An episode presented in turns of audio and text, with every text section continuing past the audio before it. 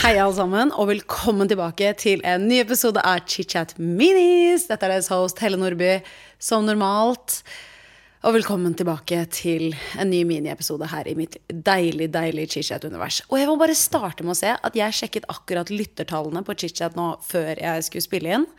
Og dere er faen meg de sjukeste bitchesene i verden. Chitchat hittet all time high denne måneden med 271 000 avspillinger. Det klarer jeg faktisk nesten ikke. Altså, det er så jæskela sjukt! Og det er ikke noe annet eh, å si enn tusen, tusen, tusen, tusen, tusen takk. Insane in the fucking membrane. Men eh, jeg måtte bare nevne det, fordi uten dere så er jeg ikke en dritt. Jeg har ikke jobb, jeg, uten dere. Så det er ikke min fortjeneste, dette her. Dette er deres fortjeneste. Dere gidder å høre på meg. Tusen, tusen, tusen takk. Det er kanskje litt min fortjeneste òg, fordi jeg sitter her og bobler høl i huet på dere om alt mellom himmel og jord og kjønnssykdommer og klining og kjæresten min og pikk og onanering og hei hvor det går. Jeg er faktisk ikke så grov. Nå, nå merket jeg at jeg var litt høy i hatten. Jeg pleier egentlig ikke å være så grov som det er utkast på meg for å være nå. La oss være helt ærlige. Um, og på den helt andre siden av skalaen, vi skal jo snakke om alt annet enn grove ting i dagens episode. Dere har sett i overskriften. Vi skal snakke om spontanabort. Um, og det, det, er kjipt, ass. Um, og grunnen til at jeg ville snakke om spontanabort, er fordi jeg har gått gjennom fire stykker selv. Og det var uh, helt jævlig. Spesielt nummer én var helt jævlig. Og jeg tenkte sånn her i Chicha så tar jeg opp temaer uh, som mange kan relatere til. Og uh, jeg vet det er mange som har hatt spontanaborter der ute. Det er ikke så unormalt som det jeg trodde. Og jeg tenkte la oss snakke om det. Uh, jeg elsker å snakke om litt sånn Det er jo ikke tabu kanskje å snakke om spontanabort, men, men kanskje for noen. Og jeg tenkte bare sånn her er et sted hvor jeg føler meg trygg. Eh, her føler jeg at jeg kan dele min historie. Og kanskje det er litt digg for noen andre der ute å høre at noen snakker om det litt sånn Jeg skal ikke ta lett på det, men sånn jeg For min del har det gått såpass lang tid nå at jeg føler at jeg kan dele min historie uten at jeg sitter her og får vondt i magen. Og den historien hadde jeg trengt å selv høre eh, den gang da jeg gikk igjennom eh, mitt lille helvete, som er mange år siden nå. Og da tenkte jeg sånn La oss snakke om det, fordi som sagt, jeg hadde trengt å høre noen sin personlige historie når jeg selv gikk gjennom det. Så det er ikke noe annet å gjøre dere enn å bare hoppe inn i ukens mini. Velkommen tilbake til Chichat Minis. Nå var det veldig dårlig introduksjon fordi jeg gjentok meg selv to ganger, men uh, velkommen, dere. Dette var jo litt av en start på dagens episode for egentlig et utrolig heavy tema. Jeg tror kanskje det er derfor jeg eh, kødde litt med det, nesten. Jeg mener ikke å kødde det bort og gjøre noe mer min, eller mindre seriøst enn det det egentlig er. Jeg tror kanskje bare det er min coping-mekanisme med ting, å prøve å liksom le det litt bort og dra en spøk her og der. Fordi det vi skal snakke om i dag, er jo litt ubehagelig å snakke om. Selv om jeg ikke kjenner på de vonde følelsene jeg hadde før tilknyttet ordet spontanabort, så er det jo ikke noe gøy å snakke om. Det var et traume kroppen min gikk gjennom, både fysisk og psykisk. Eh, og det, det, påvirket meg i lang tid etter det skjedde. Og jeg skal eh, fortelle om min historie, og jeg vet ikke om det er interessant for noen der ute, og kanskje ingen relaterer for sitt, og kanskje det er bare jeg som er narsissistisk og tenker at dette her er noe folk vil høre om. Men uansett så kommer det, så buckle the fuck up. Men før vi kommer til min historie, så vil jeg bare lese opp eh, litt info jeg fant på Helse Norge, for jeg tenkte sånn, ok hvor mange er det som faktisk har spontanaborter? Hvor normalt er det? Jeg har hørt at ganske mange har det, men jeg vet ikke helt statistisk. Og da fant jeg den teksten her på Helse Norge som beskriver hva spontanabort er, eh, og litt sånn statistikk og sånn. Så jeg bare, jeg bare gønner på, jeg, dere. På Helse Norge står det vi vet ikke eksakt hvor mange graviditeter som ender som en spontanabort, men vi antar at det er et sted mellom 10 og 30 av 100 erkjente svangerskap avsluttes på denne måten. Så altså mellom 10 til 30 da. En spontanabort er et uventet tap av et foster før uke 22. Og dette er viktig å, å huske, fordi eh, en eh, spontanabort etter uke 22 kalles en prematur fødsel. Og dette visste ikke jeg. Og dette er sånn informasjon som jeg tenker sånn Hvor faen var denne infoen under seksualundervisningen når jeg gikk på skolen, liksom? Jeg ante ikke dette. Og, og, jeg visste ingenting om spontanabort uh, i det hele tatt når jeg hadde min første. Og det kommer jeg tilbake til også senere i episoden. Uh, for det, det, var nesten noe av det jeg syntes var mest frustrerende med hele situasjonen min. Men ja, la meg bare fortsette med denne Helse Norge-teksten først. Den eksakte årsaken til de fleste spontanaborter blir sjelden undersøkt. Men studiet viser at flertallet oppstår pga. genetiske problemer som hindrer barnet i å utvikle seg normalt. Og eh, man vet jo ikke alltid hvorfor man har en spontanabort, men her, i hvert fall her eh, får man en liten indikator på det, da, sånn som det står på Helse, Nor Helse Norge, at eh, det er som oftest pga. genetiske problemer som hindrer barnet i å utvikle seg normalt. Derfor så kvitter kroppen seg med eh, dette embryoet, eller ja, som man kaller det. Jeg vil tro det er et. Eh, fordi at Jeg liker å tenke på det sånn at kroppen din, eller min, da, var så frisk at den forsto selv at barnet var ikke levedyktig. Så derfor så ja, avsluttet kroppen utviklingen på en naturlig måte. Man kan vel kalle det det. Cool fact a crocodile can't stick out its tongue. Also, you can get health insurance for a month or just under a year in some states. United Healthcare short term insurance plans, underwritten by Golden Rule Insurance Company, offer flexible, budget friendly coverage for you. Learn more at uh1.com. Hey, it's Ryan Reynolds, and I'm here with Keith, co star of my upcoming film, If, only in theaters, May 17th. Do you want to tell people the big news? All right, I'll do it. Sign up now and you'll get unlimited for $15 a month in six months of Paramount Plus Essential Plan on us. Mintmobile.com slash switch. Upfront payment of $45 equivalent to $15 per month. Unlimited over 40 gigabytes per month. Face lower speeds. Videos at 480p. Active Mint customers by 531.24 get six months of Paramount Plus Essential Plan. Auto renews after six months. Offer ends May 31st, 2024. Separate Paramount Plus registration required. Terms and conditions apply if rated PG. Many of us have those stubborn pounds that seem impossible to lose, no matter how good we eat or how hard we work out. My solution is PlushCare. PlushCare is a leading telehealth provider with doctors who are there for you day and night to partner with you in your weight loss journey. They can prescribe FDA-approved weight loss medications like Wagovi and Zepbound for those who qualify. Plus, they accept most insurance plans. To get started, visit plushcare.com slash weight loss. That's plushcare.com slash weight loss. Og jeg merker at jeg prøver å gå skikkelig sånn på eggeskala, for jeg vil liksom ikke si noe feil, for folk er så veldig på sånn Du kan ikke si det! Med, meg. Og jeg mener ikke å provosere noen ved å fortelle dette. Jeg sier ikke at jeg har noe fasit. Dette er som sagt bare en jente på 28 år som har gått gjennom fire spontanaborter selv, som ønsker å dele sin historie. Og her leser jeg opp litt fakta, prøver å være litt politisk korrekt her. Um, bare for å egentlig lage Eller for å sette i gang en samtale, fordi dette her er dritkjipt. Jeg hadde aldri hørt noen snakke om spontanabort engang før jeg selv opplevde det. Og jeg ble så sint på mamma når jeg selv gikk gjennom det. Fordi Hun hadde aldri fortalt meg om det. Jeg ble sint på skolesystemet fordi ingen hadde fortalt meg om det. Jeg ble sint på verden. Fordi hvorfor er verden så urettferdig og så slem?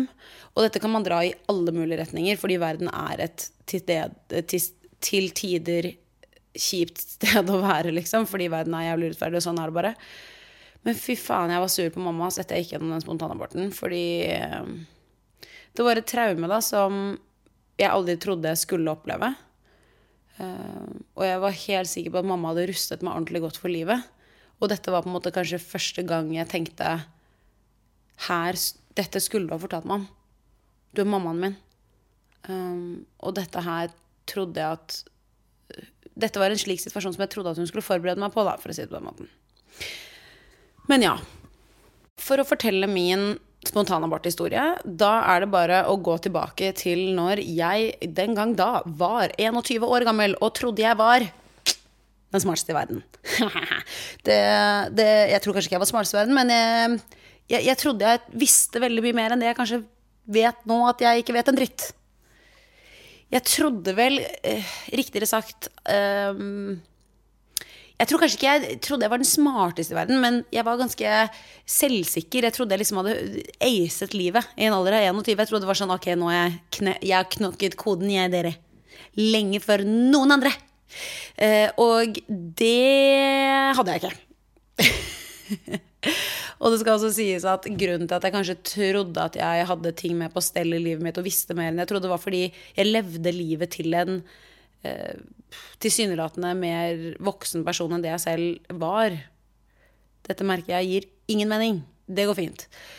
For uh, da jeg var 21, så hadde jeg møtt uh, han jeg var gift med. Vi var ikke gift enda, men uh, etter kort tid så ble vi forlovet. Og det første året vi var sammen,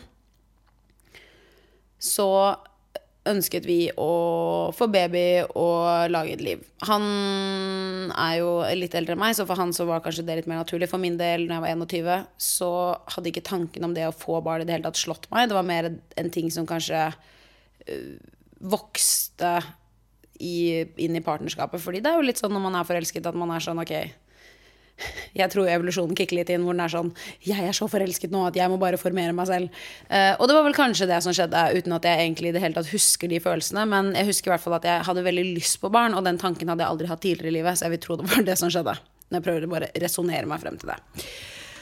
Og uh, jeg ble jo gravid um, før jeg da giftet meg, og jeg tenkte sånn perfekt, da kommer denne babyen før bryllupet. Det passer kjempebra. Og jeg gikk i total nesting mode. Jeg skulle være verdens beste mamma. Jeg hadde som sagt uh, sett for meg hvordan livet mitt skulle være. Jeg trodde jeg hadde liksom alt på stell. Og allerede i måned to så kjøpte jeg meg en krybbe. Uh, jeg begynte å dekorere dette lille um, rommet. Jeg kjøpte en milliard graviditetstester. Og liksom Jeg husker jeg bare var så klar for det kapittelet i livet mitt. Um, og så husker jeg at jeg fortalte til mamma. Jeg var sånn, ok, vi sier det ikke til noen. Og grunnen til at jeg ikke ville si det til noen, var fordi jeg syntes det er fint å ha en litt hemmelighet for de nærmeste. Og da husker jeg mamma sa til meg ja, la det i hvert fall gå tre måneder da, før du liksom begynner å fortelle folk. Og da var jeg sånn, ja, ja, men det er fordi jeg vil bare ha det litt som en hemmelighet. Så jeg tenker at det er nice at jeg bare uh, holder det litt for oss selv nå i starten. Og, og jeg, det høres kanskje veldig naivt ut, men jeg visste ikke hvorfor man skulle holde det hemmelig i tre måneder. Jeg visste liksom ikke hvorfor det er normalt. Og det er jo fordi at det er i løpet av de første tre månedene at majoriteten av spontanaborter skjer. Og det skulle jeg ønske at mamma sa til meg. Og denne diskusjonen, eller denne samtalen hadde mamma faktisk sist for et par uker siden. Jeg var sånn, du, hvorfor sa du egentlig det? Jeg har tenkt veldig mye over. Hvorfor, hvorfor sa du ikke til meg vent de tre månedene fordi da er det størst sannsynlighet at det er en spontanabort? Og da sa jo mamma ja, men det trodde jeg du visste.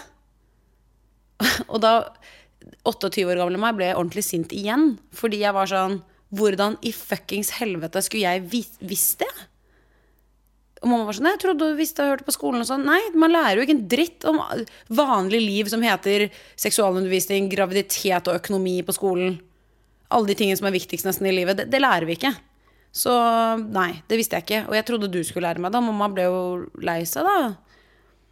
Og var litt sånn Ja, nei, der, det beklager jeg, på en måte, men det, jeg trodde at du visste det. Så jeg sånn Og igjen, jeg kjenner bare jeg snakker om det, og så blir jeg litt sånn oppgitt over hele situasjonen. Og det er egentlig ikke fordi jeg er sint på mamma, det er egentlig bare fordi jeg er sint på uh, situasjonen.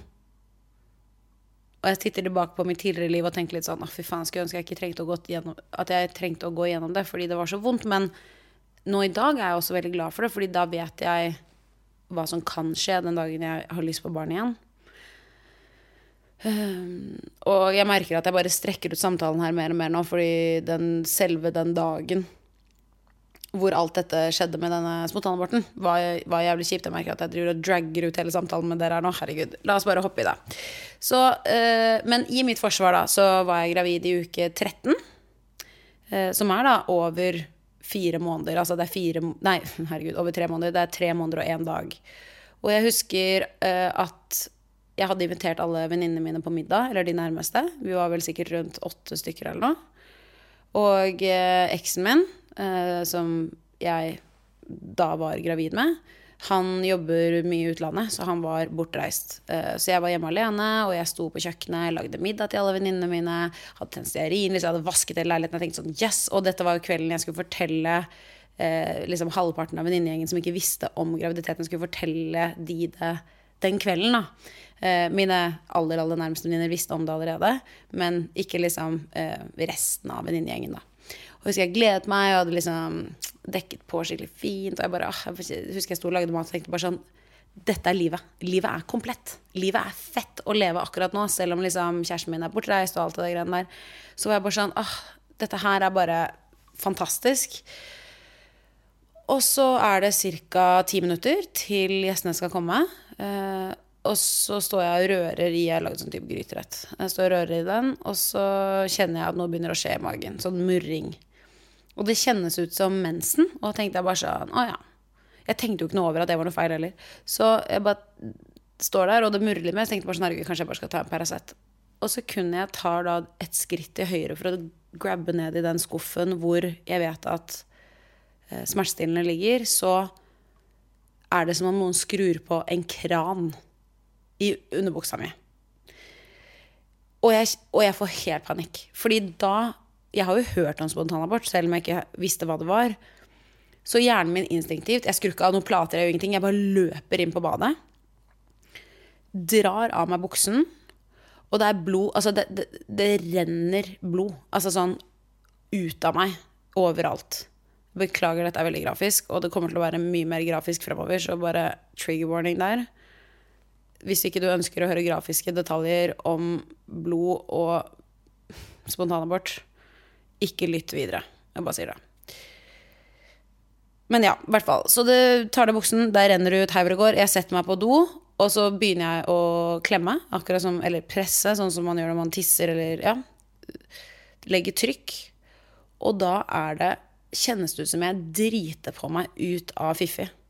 Og det er den rareste følelsen jeg har hatt i mitt liv. Det, det var som om det liksom kom ut ti centimeter store geléklumper av øh, min vaginale åpning, da. Og instinktivt i hjernen min så, så, øh, så går dette da ut i toalettet. Og jeg husker bare at jeg tenkte sånn øh, Nå ligger barnet mitt i do, så nå må jeg redde det. Og det vet jo jeg, selv når jeg var 21 og, og ung, øh, selvfølgelig, herregud, øh, at det ikke er reelt. Og et, en baby, eller et embryo, som er 14 uker gammelt, skjønner jo jeg også at ikke er et, er et barn. Det er jo ikke en baby. Uh, men instinktivt så snur jeg meg rundt. Jeg går, setter meg på knærne foran doen. Tar opp doskålen, eller den doringen, sånn som gutta pleier å gjøre når de tisser. Og så begynner jeg å lempe ut bl blodvann da, uh, på gulvet foran meg. Jeg begynner å uh, lete etter dette barnet, embryo, hva man skal kalle det. Uh, nede i doen. I, og ja, ja, der er det gørr, altså. Og det ender jo da med at jeg ser jo Jeg ser jo ikke ut. Um, og det, det, jeg får jo disse geléklumpene, liksom, som er på en måte bare uh, Hvis man har hatt litt sånn Dette er skikkelig jenteepisode, merker jeg. Litt sånn snerkete mensen før, så skjønner man hvordan dette kjennes ut. Hvis du har hatt litt sånne klumper i mensen din. Det var på en måte litt sånn som det. Herregud, sorry at jeg er så grafisk, men det er, dette er sånn livet er. Dette er det mest ekte man egentlig kan, kanskje kan snakke om, fordi dette er en, en del av livet. Og, og kanskje folk syns det er ubehagelig at jeg er så ærlig og direkte, men vet du hva, da får du bare skru av. Men ja, sorry. Jeg bare ja, merker at jeg blir litt mer følsom enn det jeg trodde skulle bli av det, av det her, altså. Um, så ender det med at jeg tar alle disse geléklumpene opp og så driver jeg og klemmer på dem. Og det, jeg kjenner jo ikke noe, jeg finner jo ikke noe. Det er ingenting. Og akkurat i det så snapper jeg på en måte litt ut av det, fordi det ringer på døren. Og da kommer jeg jo på Herregud, jeg skal ha åtte venninner på middag. Den der gryteretten står og koker, og det ringer på, og jeg må åpne fordi de må ta heisen opp i fjære. Here's a cool fact a crocodile can't stick out its tongue. Another cool fact you can get short term health insurance for a month or just under a year in some states. United Healthcare short term insurance plans are designed for people who are between jobs, coming off their parents' plan, or turning a side hustle into a full time gig. Underwritten by Golden Rule Insurance Company, they offer flexible, budget friendly coverage with access to a nationwide network of doctors and hospitals. Get more cool facts about United Healthcare short term plans at uh1.com. Quality sleep is essential. That's why the Sleep Number Smart Bed is designed for your ever evolving sleep needs. Need a bed that's firmer or softer on either side? Helps you sleep at a comfortable temperature? Sleep Number Smart Beds let you individualize your comfort so you sleep better together. JD Power ranks Sleep Number number 1 in customer satisfaction with mattresses purchased in-store. And now, save 50% on the Sleep Number limited edition Smart Bed for a limited time. For JD Power 2023 award information, visit jdpower.com/awards. Only at a Sleep Number store or sleepnumber.com. Millions of people have lost weight with personalized plans from Noom, like Evan, who can't stand salads and still lost 50 pounds. Salads, generally, for most people, are the easy button, right? For me, that wasn't an option. I never really was a salad guy. That's just not who I am. But Noom worked for me. Get your personalized plan today at Noom.com. Real Noom user compensated to provide their story. In four weeks, the typical Noom user can expect to lose one to two pounds per week. Individual results may vary.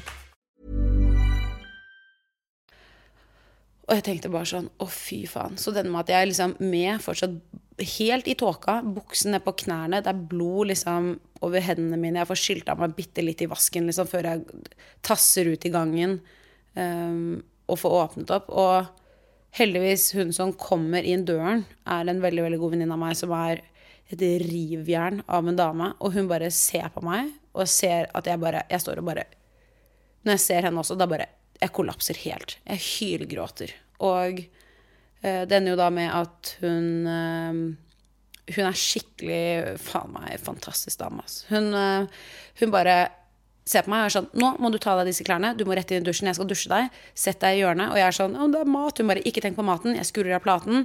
Er det noe annet på? Er det eh, Skal jeg ta ut noe stearinlys? Skal jeg fikse ting? Her legger vi klærne dine der. Helle, dette går bra. Jeg er her. Vi fikser det. Og jeg kjenner jeg får helt gåsehud av bare tenke på at jeg har så fine mennesker rundt meg. Åh. Åh, jeg merker at jeg blir helt Åh, det var mye verre enn det jeg trodde det skulle være å snakke om. Å, herregud.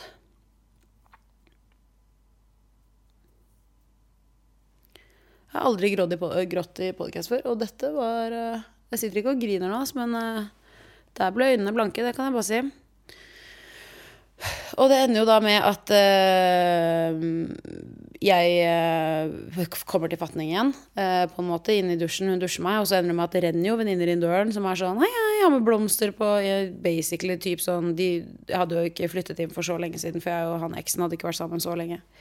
Og de har med liksom blomster av verdens fineste venninner, og den med at vi setter oss ved bordet. Eh, og jeg på en måte fortsatt tror at det ikke har vært en spontanabort. Som jeg kan se tilbake på nå og tenke sånn Oi, hvor irrasjonell var du, Helle? Eh, men jeg, bare, jeg visste ikke. Jeg ante ikke hva det var, ikke sant. Um, og heldigvis eh, så er eh, ja, en god venninne av meg sine foreldre eh, De er leger, så jeg fikk ringt de. Dette var jo en lørdagskveld, så de var sånn Du kan dra på Volvat, men jeg vet ikke hvor lenge, hvor, om du blir prioritert, fordi det mest sannsynlig er en spontanabort. Hva med å heller dra til legen på mandag morgen? Um, hvis ikke du har vondt, da må du selvfølgelig dra med en gang. Altså, de kom med masse sånne legeadvice, og endte med at jeg booket en time på Aleris Frogner hos privat gynekolog den mandagsmorgenen. Um, og eh, jeg hadde det helt jævlig, skal jeg være ærlig. Den lørdagskvelden jentene dro etter hvert etterpå. Eh, hun ene hun venninnen min som hjalp meg også sove over. For hun ville ikke at jeg skulle være alene, med tanke på at kjæresten min var på andre siden av jordkloden. Eh, men natten etterpå så var jeg sånn ok, dette klarer jeg alene. For jeg visste at jeg hadde booket den timen mandagsmorgen, og den hadde jeg lyst til å dra alene på. Um, nå husker jeg faktisk ikke om hun ble med til legen, men jeg husker i hvert fall at jeg gikk inn til legen selv. Fordi det ville jeg ikke ha med noen på. Jeg fortalte ikke til mamma, jeg fortalte ikke til noen andre enn de som var der. Eh, Jeg ringte jo selvfølgelig eksen min, og han var verdens eh, beste. Han altså tok et fly hjem, så han fløy hjem halve jordkloden rundt, for han hørte at jeg var helt ødelagt av dette. Som var veldig, veldig snilt av han. Um, men i hvert fall av det jeg fikk vite på den legetimen mandag morgen, var jo det at mest sannsynlig så hadde ikke dette embryoet vært levedyktig enn til uke seks. Så jeg hadde jo gått rundt, da, uh, i tro om at jeg hadde et uh, påbegynnende barn i magen min, men hun sa dette, dette embryoet sluttet å uh, sluttet utviklingen sin tidlig. Den fikk aldri hjerterytme engang, mest sannsynlig. Og da var jeg sånn OK, hva faen, liksom? Hvor, og hun bare Nei, det er veldig normalt. Og husker den um, gynekologen sa til meg faktisk at dette skjer av én av fem kvinner. Som kan stemme med den statistikken vi snakket om i starten av episoden, hvor vi sa mellom 10 til 30 um, Og hun sa det er veldig mye mer normalt enn det uh, enn det det kanskje virker eller du har hørt om, fordi du er ung. Og da var jeg sånn OK, dette har jeg aldri hørt om. Og det var da det sinnet mot mamma bygget seg veldig opp. Og det er veldig urasjonelt, og det er ikke fair mot min mamma heller. Hun er Jeg har verdens beste mamma. Så det Jeg mener ikke å sette henne i noe dårlig lys i det hele tatt. Det bare viser liksom hvor irrasjonell man blir. Og man Jeg hadde så lyst til å skylde på noen. Jeg, å, jeg var så sint på verden. Jeg var så frustrert. Jeg var så jeg var så lei meg, jeg var så knust. Og det, det gikk utover mamma oppi hodet mitt, altså.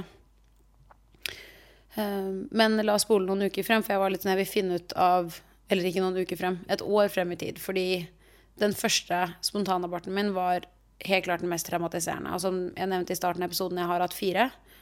Ehm, men da skjønte jeg jo at her er det noe mer galt enn at jeg bare har spontanaborter. Så da gikk jeg tilbake til Aleris etter jeg hadde hatt mine tre påfølgende spontanaborter. Alle de skal sies skjedde i uke fem og uke seks. De var ikke i nærheten så traumatiske. De skjedde på en mye mer naturlig måte. Men da gikk jeg jo tilbake til gynekologen min eh, og gjorde masse tester, og det viste seg at jeg har eh, jernmangel. Eh, ekstremt stor jernmangel som gjør at kroppen min tror at embryo ikke er levedyktig, men egentlig bunn og grunn så er det bare kroppen min som mangler jern. Så hun sa at det er egentlig en veldig easy fix. Du må bare ha påfyll av skikkelig, skikkelig mye jern. Og så kommer det kanskje bare til å være litt vanskelig for deg da, bli gravid. Men sånn er det bare. Det er ikke, det er ikke fiks ferdig smekk for alle. Og hun sa at dette er helt normalt. Du er helt frisk. Det er ikke noe galt med deg. Og selv uten ekstra jern så hadde du blitt gravid en dag. Det er bare det at det hadde tatt lengre tid for deg enn det gjør for kanskje uh, alle andre da, at det hadde sittet skikkelig, liksom. Uh, men jeg husker gynekologen lo helt masse og var helt fantastisk. For hun var bare sånn Jenta mi, du kommer til å få ei skokk med unger. Ikke vær noe redd for dette. Uh, og da, jeg husker jeg lo faktisk når jeg var der. Det var første gang jeg lo hos gynekologen. For å si det sånn. Um, og hun var faen meg helt rå, ass. Så absolutt Aleris Frogner, der var dere gode. Jeg vet jeg har snakket litt kjipt om dere i tidligere episoder, sånn silikonpuppe-episoden. Men uh, når det kom til gynekolog, privat gynekolog, der var dere faen meg helt rå, ass.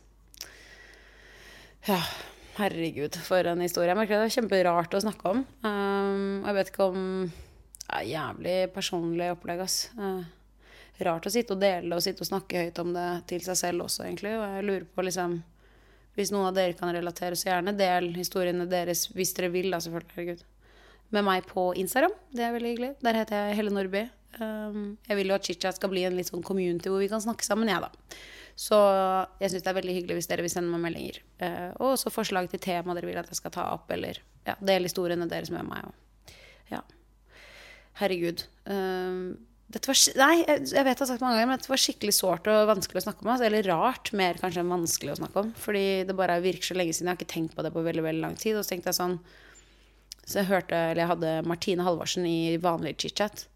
Og da snakket jo hun om øh, sin spontanabort. Og da tenkte jeg sånn Shit, jeg har jo jeg har også gått gjennom dette her, altså.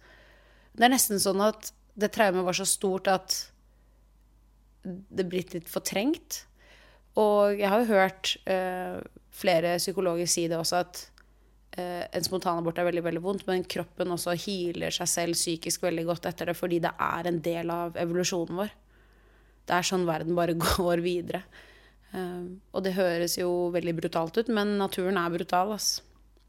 Sånn er det bare. Bare. og jeg må si at jeg gleder meg til den dagen jeg skal få baby. vi får se når det blir. og Eh, jeg og min eksmann sluttet jo åpenbart å prøve etter de fire, for da var jeg sånn ok, nå orker jeg ikke mer, og vi skulle jo skille oss her hvor det går. Eh, det gikk jo ikke sånn kjempebra i den prosessen der. Men eh, det var veldig lærerik. det var en jævlig lærerik periode i livet, ass. Herregud, jeg elsker at jeg føler at jeg har levd 77 liv. Jeg er 28. Men ja, livet er et lære. vi må alle lære. Shout-out til Mayo. Øy, øy, øy. Men ja, så for å avslutte denne spontanabortpraten, så vil jeg bare si at hvis du sliter med tanker rundt spontanabort, så gjør ikke det jeg gjorde. Ta og Finn deg noen å snakke med. Snakk med mammaen din om det. Søsken. Oppsøk en psykolog. Ta kontakt med ja, eh, helsepersonell. Dette var jo en kjempebra anbefaling, merker jeg nå. Men jeg vet at det finnes hjelpelinjer på nett du kan, eh, der du kan få tak i hjelp. Snakk med helsesøster på skolen hvis du er veldig ung. Eh, Altså, noen arbeidsplasser har eh, Snakk med HR, kanskje de kan sette deg i kontakt med psykolog hvis du jobber i en større bedrift. Altså, det er veldig, veldig mye Eller mange steder man kan få hjelp. Jeg vet at noen ganger så kan det virke litt sånn hjelpeløst, men det er hjelp å få, og det er, det er kanskje Kanskje noen syns at dette er jævlig av meg å si, men det er veldig normalt å ha en spontanabort. Og selv om man sitter der og føler at man har det helt jævlig og man føler seg alene i verden, så er vi så mange kvinner ass, som har gått gjennom det, og som kommer til å gå gjennom det. Og det eneste måten at, vi, at ting kan bli bedre, hvis vi snakker høyt om det og, og får hjelp av de rundt oss, da. Så ja. Jeg håper at dette Håper det var greit at jeg delte med dere. Og nå ser jeg at selvfølgelig jeg har snakket høl i på dere atter en gang, eh, men jeg tenker at eh, ukens dilemma er for episk til at vi ikke kan ta det, for det er helt psykopatopplegg. Eh, så la oss bare wrap up this mini med ukens dilemma. Kjør! For de av dere som ikke vet hva ukens dilemma er, så er dette da et dilemma sendt inn av en av dere lytterne. Eh, alt er anonymt, og jeg kaller innsender alltid bare for Mari. Eh, men ja, jeg bare starter med å lese opp, fordi det her er faen meg det lengste, sjukeste dilemmaet ever. En, jeg vil bare si at det er en easy fix på det, ifølge meg. Eller det er vel ikke det i det hele tatt, jeg bare må begynne å lese. Hei, Helle. Jeg har en heftig diskusjon med en mann slash kompis. Denne mannen mener det er innafor at han oppsøker, chatter, skriver flørtende meldinger til andre damer og til og med har sex med andre innimellom, selv om han er i et fast forhold. Dere hørte meg. Han mener dette er viktig for en mann for å holde testosteronnivået oppe. For han mener at hvis en mann kun er sammen med én og samme kvinne, så synker testosteronnivået hans med 30 Nei, enda verre. 30-40% Og at det kan skape sinne, frustrasjon osv. Han, mener eh, han mener dette er et must for at mannen skal kunne please damen best mulig. Og en lykkelig mann gir en lykkelig dame. Jeg forstår ikke. Denne mannen mener at vi kvinner er naive, og at vi ikke forstår oss på menn. At det er langt flere menn som skjuler dette overfor kvinnen, eh, og at det bare er grunnen til at vi ikke vet det, er fordi menn ikke snakker høyt om dette, for dette er en bro-code. Jeg kjenner denne mannen veldig godt, og jeg kjenner en dame hans litt. Men jeg vet ikke hva jeg skal gjøre med dette. Jeg ønsker ikke å bli bedre kjent med dama eller ha noe kontakt med henne, for jeg blir så lei meg. Hun er faktisk en utrolig fin dame.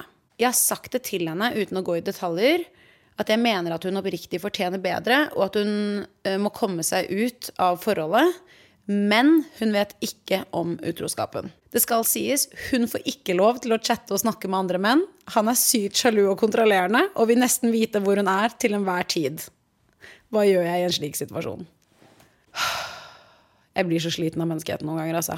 Fy faen, det er mye bullshit mennesker der ute. Og jeg kjenner at det, jeg har bare lyst til å begrave meg selv under en sten ja, når jeg hører situasjoner som det her. Fordi, for det første Dette er en, en drittsekk. Altså, han er en delusional fucking mann.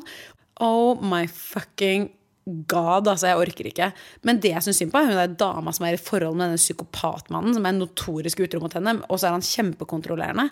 Dette viser jo bare at han må ha en eller annen form for noe mental disorder. Altså, han burde bruke all den tiden han bruker på å flørte med andre kvinner på å oppsøke en seriøs psykiater. Det er det jeg tenker. Jeg er jævlig hard, og det vet dere, men ja, det mener jeg helt seriøst. Og eh, for å konkludere med hva jeg syns du burde gjøre, Mari Jeg skjønner at det er vanskelig for deg, og at du ikke vil ta noen større plass i denne kvinnen sitt liv, men hvis du faktisk genuint tenker at hun fortjener bedre, så ville jeg sagt det til henne. Um, og hvis du ikke vil si at det er deg, kanskje man kan skrive et anonymt brev. Kanskje du kan gi henne et brev og si 'Hei, jeg har skrevet dette til deg'. Um, jeg håper du ikke tar det i verste mening. Jeg, jeg genuint bare ønsker at du skal vite. Jeg vet at mange mener at man ikke skal blande seg opp i andres liv og andres følelser og utroskap og sånn, men jeg er helt mot, ø, omvendt. Altså, hadde min kjæreste vært notorisk utro mot meg, fy faen, hvis noen hadde visst og ikke sagt det til meg, så hadde det rakna for meg, liksom. Altså Selvfølgelig må du ha receipts. da Du må jo få, få farskan liksom. Du kan ikke bare komme og være sånn 'Hei, 'Jeg har hørt at typen lå med en dame på byen i helgen.' Det funker ikke. Du må jo ha faktisk proof. Så hun dama her eh, må jo ha proof, men hun sier de er gode venner.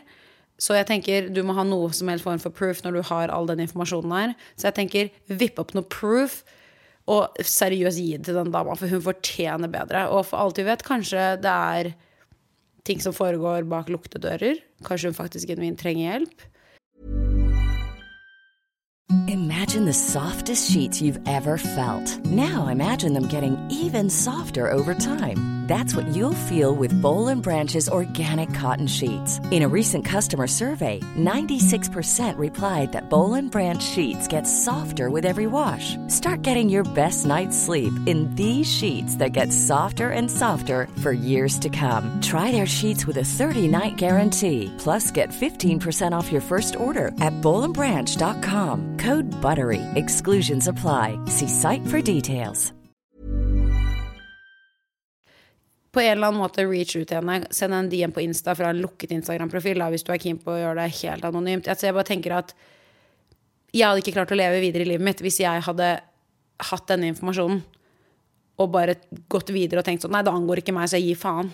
Jeg tenker vi må hjelpe til der vi kan potensielt hjelpe til. Jeg vet at veldig mange er uenige med meg der, men dette er min podkast, jeg kan si hva jeg vil. Um, så det mener jeg genuint, Mari. Du må steppe opp noe her. Jeg vet at du ikke involverer deg, men du er allerede involvert. Og han mannen her, han kan ikke være kompisen din, for han er lethaiko, tenker jeg. Uh, så det er min konklusjon. Prøv å hjelpe den dama på den måten du er mest komfortabel med. Um, og du skal selvfølgelig ikke gå på bekostning av din egen syke eller helse i det hele tatt. Um, men jeg bare sier at jeg tror det beste hadde vært å prøve å reach out til denne damen og i hvert fall ha en samtale med henne. Det tror jeg. Og så får hun gjøre sitt eget valg etter det. Ja. Herregud, for en episode. Dette er den lengste minien jeg noen gang har lagd. Mest. Jeg må prøve å klippe den litt kortere, kanskje. Men uh, herregud, for en følelsesladd episode. Men tusen hjertelig takk, dere, for at dere har giddet å sitte og lytte til meg. Og jeg må bare si det igjen at hvis dere har noen historier, eller livshistorier, livserfaringer dere selv har gått gjennom, send det gjerne til meg. Og hvis du har et tema du ønsker at jeg skal snakke om i ukens mini, så send det veldig gjerne til meg til helle-nordby på Instagram. Eh, der kan du også sende inn ukens dilemma. Du kan også sende det i chitchat sin Instagram. Altså. Samme, jeg sjekker begge to. Men eh, ja, jeg setter veldig veldig pris på at dere sender meldinger og, og skriver til meg. og jeg elsker å snakke med dere. Jeg syns det er jævlig fett. Dere er hysteriske mennesker, og jeg tror at vi hadde vært en fucking sick ass sisterhood. Og herregud, kanskje vi Oi. Jeg har veldig lyst til å ha liveshow. Kanskje, kanskje vi alle skal møtes og drikke øl. Åh, det syns jeg er så koselig. Å, herregud, ok, nå må jeg slutte. Nå må jeg holde kjeft. Ok, dere. Uh, vanlig episode av Chichat kommer på torsdag med gjest, og uh, neste tirsdag kommer det selvfølgelig en ny Ukens Mini. Vi snakkes! Ha det bra! Til deg som har lyttet til denne episoden. Hvis du likte det du hørte, så gå gjerne inn i appen og abonner på ChitChat med Helle. Da får du automatisk opp nye episoder hver eneste torsdag. Og hvis du er ekstra grei, så legger du gjerne igjen en review. Det hadde jeg satt kjempestor pris på. Vi høres!